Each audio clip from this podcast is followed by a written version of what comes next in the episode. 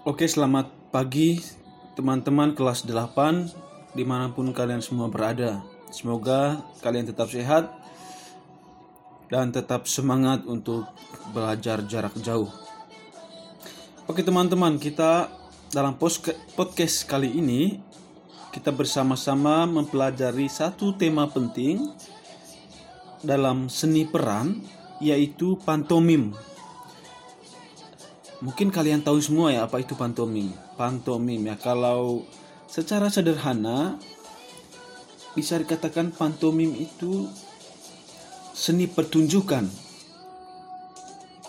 yang berupa gerak isyarat saja ya.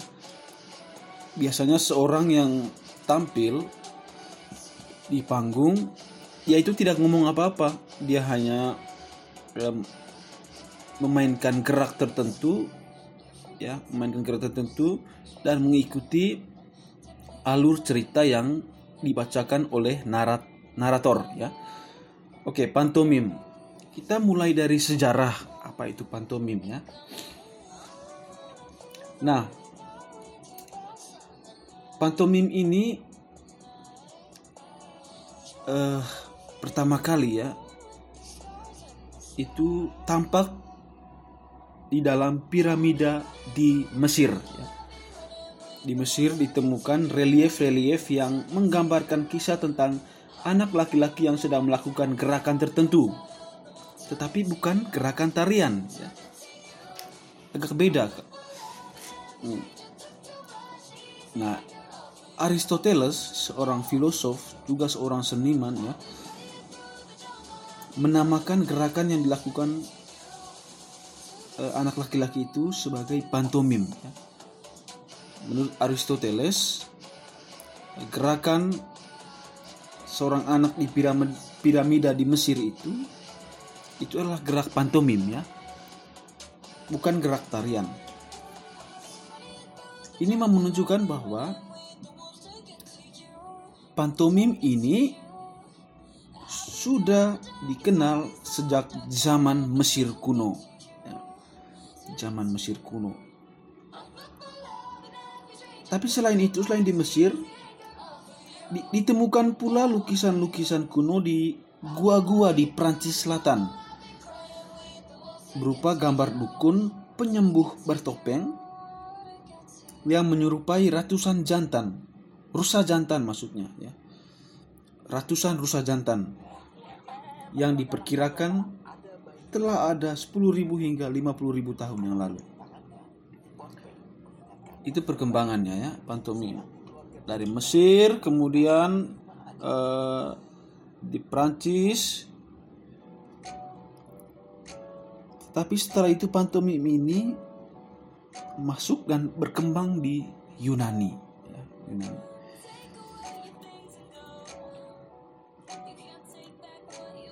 Nah, kita mulai dari pembawakan setiap daerah. Yang pertama Mesir.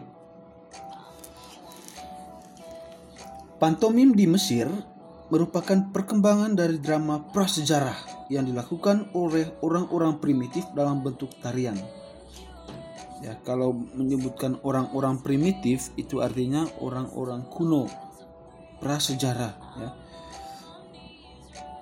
Misalnya di kerajaan Mesir kuno ditemukan lukisan tembok yang menunjukkan keberadaan seni pantomim. Jadi ada lukisan semacam relief di tembok yang menunjukkan seni pantomim itu ya. Orang berdiri misalnya. Eh, zaman itu di Mesir kuno lukisan berbentuk pantomim itu berjudul angin berupa tiga orang yang tampaknya sedang menari. Nah, itu kan lukisan ya. Kelihatannya orang ketiga orang dalam lukisan itu sedang menari.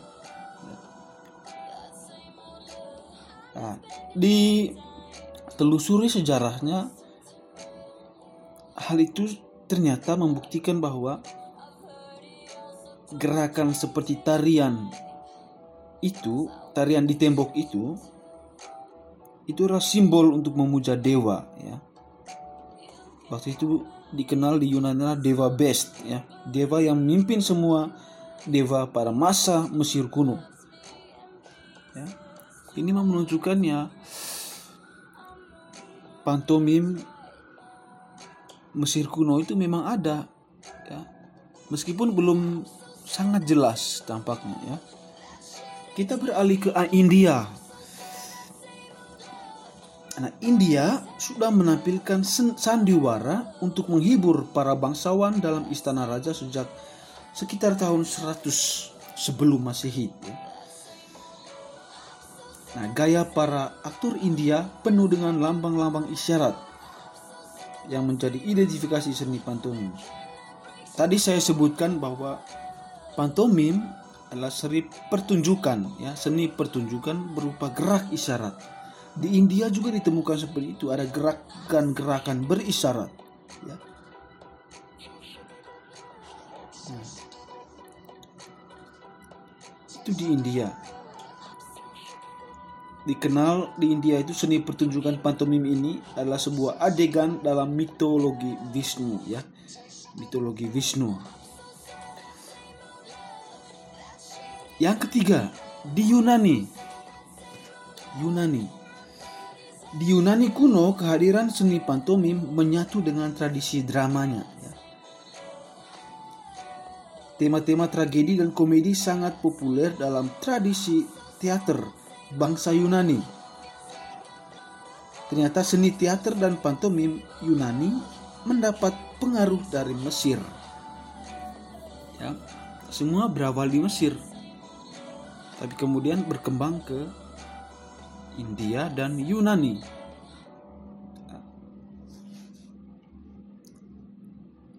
Misalnya di Yunani ya, ada seorang bernama Herodotus. Herodotus ini seorang ahli ya, seperti seorang ahli sejarah Yunani. Dia hidup pada abad kelima sebelum Masehi. Nah, menurut dia ya, legenda Yunani itu banyak dipengaruhi tradisi Mesir terkait dewa-dewi. Dewa Dionysius dari Yunani memiliki banyak samaan dengan dewa Osiris dari Mesir.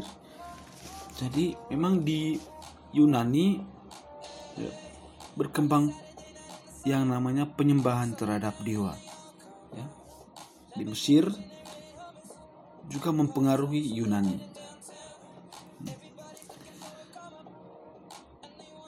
Ahli berikutnya adalah Aeschylus. Ya. Aeschylus juga seorang ahli Yunani. Ya. Menurut dia pantomim itu hadir untuk merealisasikan ilusi atau mimpi dengan berbicara dan bercerita melalui gerak tubuh dan ekspresi. Ya, jadi cara pantomim itu menurutnya itu cara bercerita dengan gerak tubuh tapi tanpa kata-kata. Dia itu dikatakan seperti puisi yang didengar dan merupakan analogi dari ruang-ruang simbol stilisasi yang dipertujukan oleh pantomimer yang mengguna, menggambarkan realisasi dari sebuah kenyataan. Ya. Pantomimer itu seorang yang memerankan pantomim. Dia bergerak di panggung, tampaknya seperti tarian, tanpa kata-kata tapi dia mau menunjukkan ekspresi mengikuti alur yang dibacakan oleh narator. Itu singkat sekilas ya eh, sejarah pantomim. Kita ulangi jadi berawal dari Mesir ya, berkembang ke India, kemudian ke Yunani ya. Kalau di Mesir itu tampak dari lukisan-lukisan ya seorang anak lelaki, seorang anak laki-laki yang sedang berdiri dan tampaknya sedang melakukan gerakan tari. Meskipun pantomim tidak sama dengan tari, ya, tarian. Nah, kita masuk ke pengertian ya, pengertian pantomim. Ada beberapa toko yang membahasakan pantomim ya. Jadi eh, setiap toko punya cara untuk membahasakannya.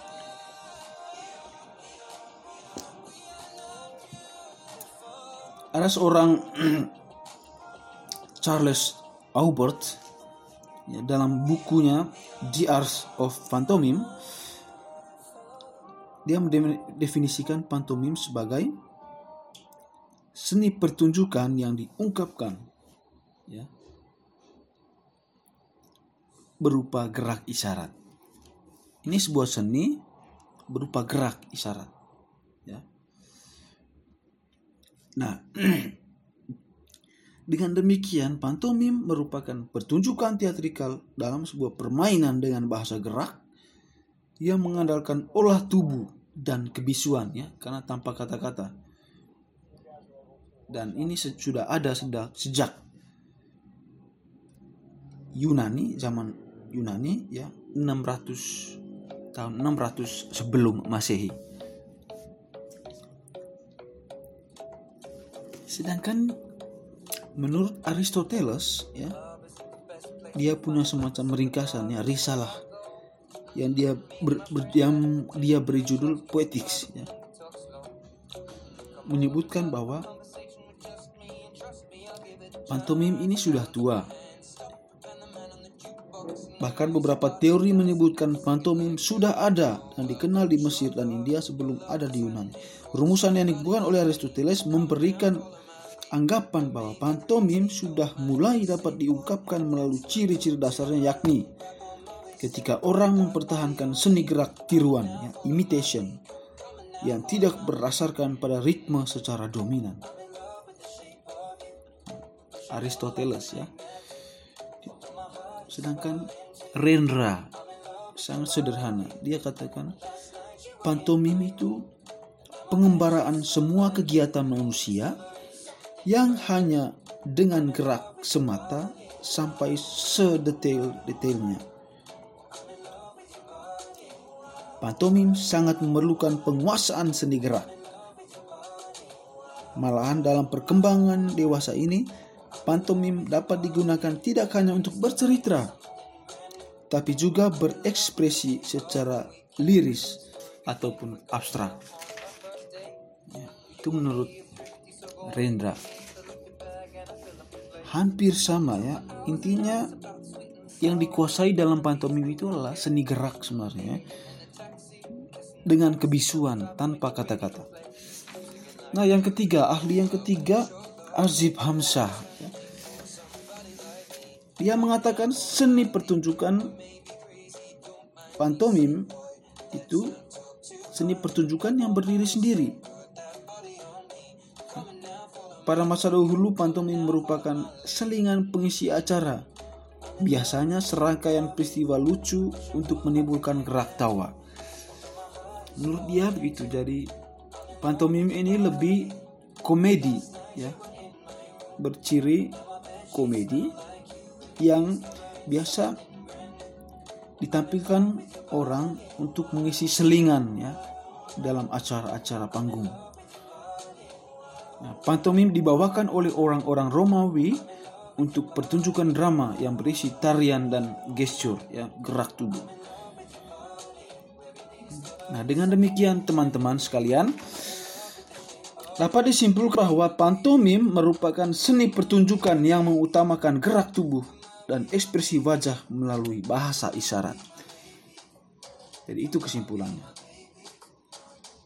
Dan karena itu pantomim merupakan seni pertunjukan tanpa media kata, bahkan tanpa suara apa pun. Kekuatannya bukan pada kata-kata, tetapi gerak dan ekspresi tubuh yang penuh makna untuk menggambarkan keseluruhan kenyataan hidup manusia.